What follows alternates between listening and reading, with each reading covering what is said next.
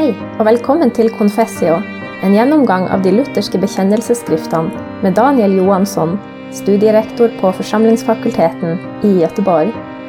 Podkasten er produsert av foross.no. Vi ska på nytt se på en artikel i den Augsburgska bekännelsen, den 19 artikeln. Eh, och den artikeln är Eh, en sådan artikel som, eller gäller en fråga som jag tror ett och annat barn har ställt sig. Eh, nämligen om man, om man är lite djupare som barn, sådär i tre fyra års åldern eh, och man börjar tala om det som har med ondskan att göra och så den kloka vuxna som ska svara hänvisar till att människan föll i synd. Ja, men varför föll människan i synd? Jo, det var för att ormen lurade. Ja, men hur kom det sig att ormen var ond då? Hur, hur blev ormen ond och vad var den ursprunget till synden? Och så kan man som vuxen inte svara längre. Eh, det är den frågan som artikel 19 tar upp och jag får göra er besvikna. Den Augsburgska besvänelsen svarar heller inte riktigt på den frågan. Eh, om syndens orsak heter den här artikeln och då är den formulerad på det här sättet. Om orsaken till synden lär de att ehuru väl Gud skapar och uppehåller naturen ligger likväl orsaken till synden i de ondas, det vill säga djävlarnas och de ogudaktigas vilja, vilken då Gud undandrar sitt bistånd vänder sig bort från Gud, så som Kristus säger i Johannes 8. När han talar lögn, då talar han av sitt eget. Orsaken till att den här kommer med överhuvudtaget, man kan ju tycka det, varför i en kristen bekännelse som tar upp liksom huvudsakerna, man har 20-21 artiklar på sig. Varför kommer det en särskild artikel om syndens orsak? Jo, anledningen därtill är densamma som till flera av artiklarna, nämligen att den påvlige teologen Eck, han hade sammanställt eh, ett antal uttalanden ifrån Luther och Melanchthon och ifrån mer radikala reformatorer. Och eh, bland de sakerna som han anklagade de lutherska för var just att man skulle lära att Gud var orsak till synden. Så det är bakgrunden. Och det han mer specifikt hade eh, tagit upp, det var några citat ifrån Melanchtons kommentar till Romarbrevet. Och om man läser den ytligt så kan man få för sig att Melanchthon skulle säga det att den yttersta orsaken till synden är Gud. Och Luther hade själv liknande utsagor i den här skriften om den trälbundna viljan.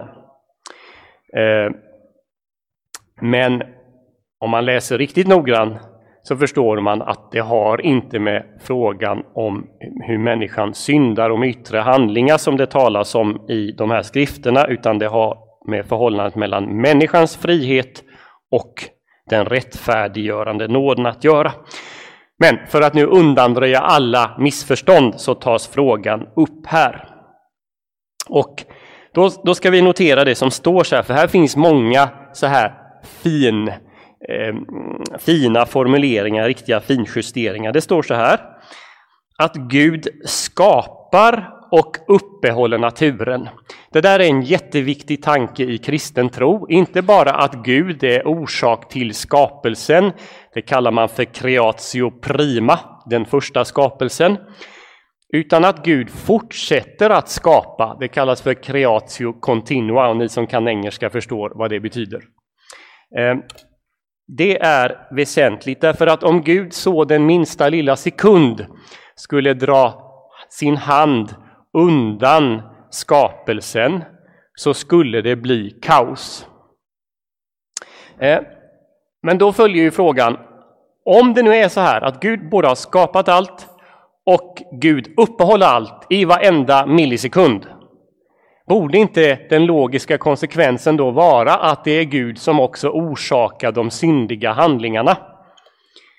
Det är ju en ganska eh, eh logisk slutsats, men den slutsatsen drar man och har man, drar man inte har man aldrig dragit i kristen tro. Istället skulle man kunna säga att det är närmast ett axiom att Gud inte är orsak till synden. Och varför är det ett axiom? Jo, därför att Gud är god. Om Gud är god så kan Gud inte orsaka synden.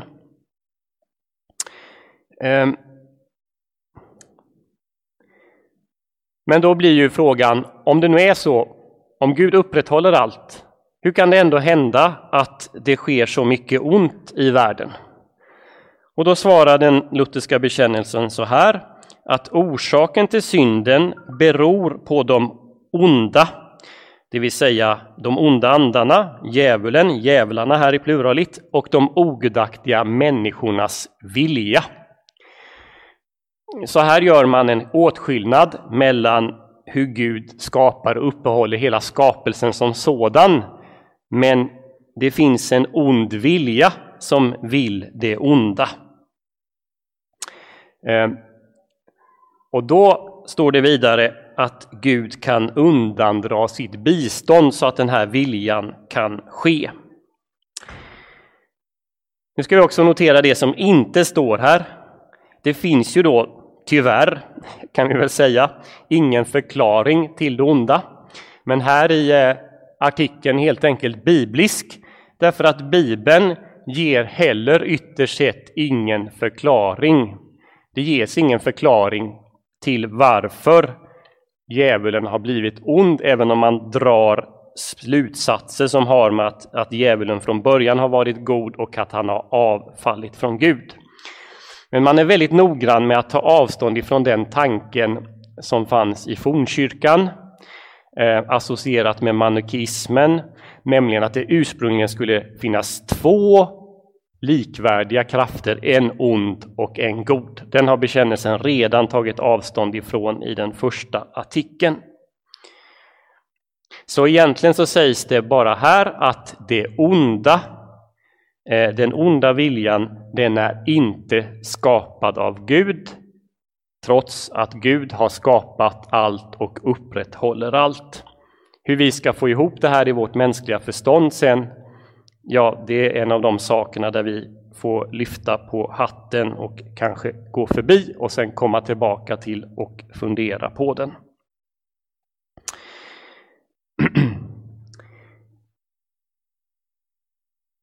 Vi kan också notera bibelcitatet som står här. Eh, Melanchthon citerar vad Jesus säger i Johannes 8 och mer specifikt är det från den 40 41, 44 versen, Johannes 8.44. Då kan jag bara påminna om att anledningen till att det inte står Johannes 8.44 här beror på att vid den här tiden så hade vi inte ännu delat in Bibeln i verser, så det är före versindelningens tid. Och det som citeras är Johannes 8.44. När han, den onde, talar lögn, då talar han av sitt eget. Det vill säga, Kristus understryker här att det är det naturliga tillståndet för den onde, för djävulen. Han är lögnens fader och all lögns ursprung och därmed så går inte det onda tillbaka till Gud. Ehm, en sista liten kommentar hit, ehm, och det är en sats. Det står så här. Vilken då Gud undandrar sitt bistånd vänder sig bort ifrån Gud. Hur ska man förstå det? När Gud drar bort sitt bistånd, sitt stöd, så vänder sig eh, eh den onda viljan bort ifrån Gud. Ja, det är föremål för viss diskussion, men troligen är svaret detta att det betyder utan Guds nåd. Och Guds nåd är alltid den rättfärdiggörande nåden i den lutherska bekännelsen. Och om det är så, så är egentligen den här, plats, eh, den här satsen överflödig. Jag ska förklara. Människan kan bara göra det goda om människan är rättfärdig. Så om människan inte har fått Guds nåd till omvändelse så kan hon inte göra någonting annat än det som är ont. Och om det är på det sättet så är det egentligen överflödigt att det står så här, vilken då Gud undandrar sitt bistånd. Och det bekräftas nog av Melanchthon själv därför att i apologin så citerar han den här artikeln bara rakt av utan någon förklaring därför att de påvliga teologerna de har bejakat den helt och hållet. Man har inget som helst emot den och då citerar Melanchthon den rakt av. Men han utelämnar faktiskt den här satsen då, vilken då Gud undandrar sitt bistånd. Eh, när det är sagt så skulle jag faktiskt vilja återvända lite grann till föregående artikel, artikel 18. Eh, och vissa saker som jag eh, efteråt förra gången tyckte jag borde ha fördjupat och förtydligat ytterligare som kan hjälpa en att förstå den artikeln. Och de här två hänger ju intimt samman. Det handlar alltså om artikel 18 och om människans eh, fria vilja. Eller rättare sagt bristen därpå. Jag tror det är en hjälp att förstå det här med den fria viljan, eller rättare sagt människans bundenhet i andliga ting, om man verkligen får klart för sig hur man blir fri i det andliga. Och Melanchthon markerar det på olika sätt, eh, både i själva artikeln i Augustana, men inte minst i eh, apologin. Och ni som var med förra gången kanske minns att Melanchthon citerar ifrån Hebreerbrevet, eh, nämligen det elfte kapitlet och den sjätte versen. Utan tro kan man inte behaga Gud. Det vill säga det är så här, att uppfylla den första tavlans bud, det som handlar om människans förhållande till Gud, det kan inte på något sätt ske genom gärningar. Det enda sättet man kan uppfylla första tavlans bud, det är genom att tro. Och då skulle man kunna säga så här, det handlar om att man får förtroende för Gud. Att tro är ju nämligen att förtrösta. Och du kan inte förtrösta på någon om du inte har förtroende. Och det är omöjligt att få förtroende för någon om den personen först inte har talat till dig, inte har visat sitt ansikte för dig, inte har visat sin inställning till dig. Det vill säga, för att vi ska kunna tro på Gud och för att vi ska kunna uppfylla första eh, eh, den första tavlans bud, så måste Gud ha talat med oss. Och när Gud talar med oss, då kan han, om vi använder det billigt, inge ett sådant förtroende hos oss att vi börjar förtrösta på Gud. Och när vi förtröstar på Gud, när vi tror på Gud, då behagar vi Gud och då uppfyller vi också den första, eh, den första tavlan. Och Melanchthon han understryker det här väldigt tydligt. Ehm, eh, jag, jag, förstår inte att jag inte har sett det här förut, utan jag har, har gjort en upptäckt här själv, eller, eller gjorde jag förra veckan. Men jag vill verkligen få understryka den också för er. Eh, I förklaringen i apologin så säger han ett par gånger andliga verk, det vill säga de som behagar Gud och uppfyller första talan, det är att frukta Gud. Och så säger han verkligen tro på honom, verkligen igen veta och verkligen vara förvissad om att Gud har omsorg om oss, om att Gud bönhör oss, om att Gud förlåter oss. Han vill liksom riktigt inskärpa om att det handlar om att vi som, som barn Förtrösta på Gud som vår käre himmelske far. Och här tror jag att här fallerar det hos väldigt många av oss. Tror vi alltid verkligen, särskilt när det gäller att Gud har omsorg om oss. Tror vi att han bönhör oss? Tror vi att han förlåter oss? Så ytterst sett så, så handlar det här om att, att få en vilja som är förnyad det kan bara ske genom att Gud först har talat till oss, att han verkar oss med, med, sin ande, att han gör oss så att säga inställda på rätt våglängd så att vi i livets, under livets alla förhållanden kan lita på Gud. Och om man ser på viljan, människans vilja på det här sättet, då tycker jag att då blir det mer begripligt varför människans vilja är bunden. För så länge vi inte har någon kontakt med Gud, någon verklig kontakt, ja då är vår vilja inriktad på oss själva. Ska se, hållit på en kvart ungefär. Eh, jag tänkte innan jag öppnar för frågor bara nämna en eh, ytterligare sak om, om Gud och det onda som kan vara en hjälp.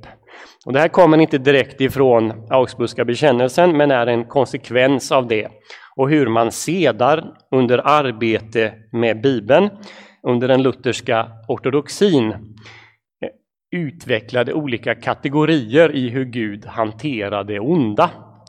Ehm, och då sa man att, att Gud generellt sett, utifrån vad vi får lära oss i Bibeln, kan hantera det onda på fyra olika sätt. Gud kan tillåta det onda. Det får vi tydliga exempel på i Jobbsboken till exempel, när Satan får komma inför Gud och få tillåtelse att pröva jobb. Eh, vi får exempel på hur Gud kan hindra det onda, även så att säga när det börjar ske. Vi kan tänka på Daniels boken, både när de tre männen kastas i den brinnande ugnen eller Daniel kastas till lejonen. Och, och här får vi väl tänka på allt det som, som har hänt med oss som inte har hänt, det vill säga alla olyckor som Gud faktiskt har hindrat och som vi inte ens vet om att vi skulle ha råkat ut för när vi har haft änglarskydd utan att ens veta om det. Sen talar man om att Gud eh, tar det onda i sin tjänst, att han leder det, att han leder det i en viss riktning och för sina egna syften.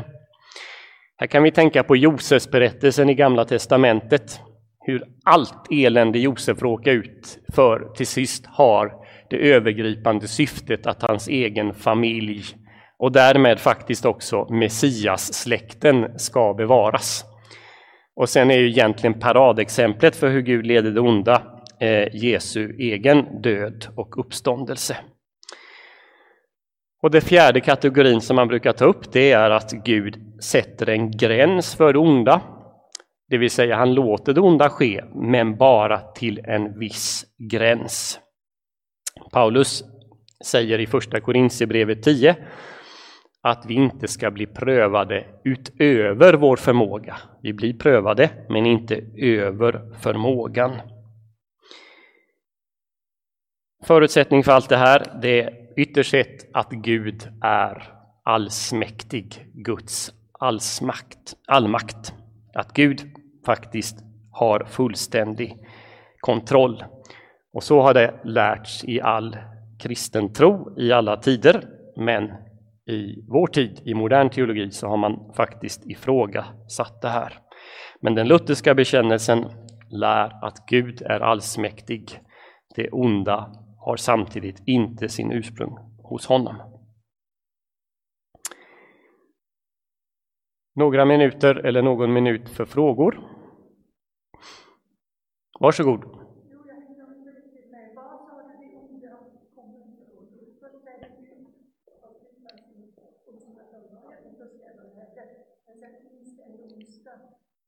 Ja. Eh, frågan ställs om, om nu eh, ondskan inte har sitt ursprung hos Gud, var kommer den ifrån? Jo, och då, då är svaret på det att vår lutherska bekännelse ger inget svar på den frågan, utan man, man lämnar det därhän, precis som Bibeln gör. Bibeln ger ju inget entydigt svar på den frågan, någon förklaring, den saknas i Bibeln. Och därför så låter man de två satserna stå. Å ena sidan att Gud har skapat allting, att han verkar i allting, upprätthåller sin skapelse och samtidigt låter man den paradoxen stå att det onda som sker i världen inte har sitt ursprung hos Gud. Gud kan förhindra det onda. Och ändå sker det, men han förhindrar också väldigt mycket ont och kanske mycket mer ont än vi ens kan tänka eller ana. Eh, men här ställs vi inför det som, det här är ju också kopplat eh, till det som kallas för teodicéproblemet. Om Gud är god, om Gud är allsmäktig, eh, hur kan då det ske så mycket ont i världen? Ja, varsågod. Ja. Jag ska upprepa det. I, I Jesaja så står det att, att Gud kan ge olycka och skapa olycka. Eh, hur, ska man, hur ska man se på det? Och till att börja med på så är det ett av kanske, ja det är väl det och något ställe till i Bibeln som man har kunnat, som har anförts ibland för att hävda att, att det ondska, det onda kommer i, ifrån Gud. Men utifrån den helhetsbilden att Gud är allsmäktig, att Gud är god, så har man nog eh, menat att när Gud på det sättet skapar olika eller ger olika så har det mer med hans tillåtelse att göra. Att den yttersta orsaken till det är, är då människans synd eller djävulen. Men att Gud kan så att säga leda och styra denna olycka eh, så att den riktas mot människor. Eh, och då, jag, jag vet inte säkert, men jag tror att, att det ytterst sett har förs in under det här hur Gud styr och leder. Åtminstone så tillåter han. Eh, och det är inte alltid så att man kan säga ett visst bibelställe är den, den eller den kategorin, utan det kanske är två kategorier det, det faller under. Ja, då är klockan tio i, så då får vi sluta för den här gången. Tack för att du hørte på Confessio. Vi tilbyr også andre podkaster, f.eks. Table Talks, som går gjennom alle søndagstekster i kirkeåret. Besøk oss gjerne på foross.no.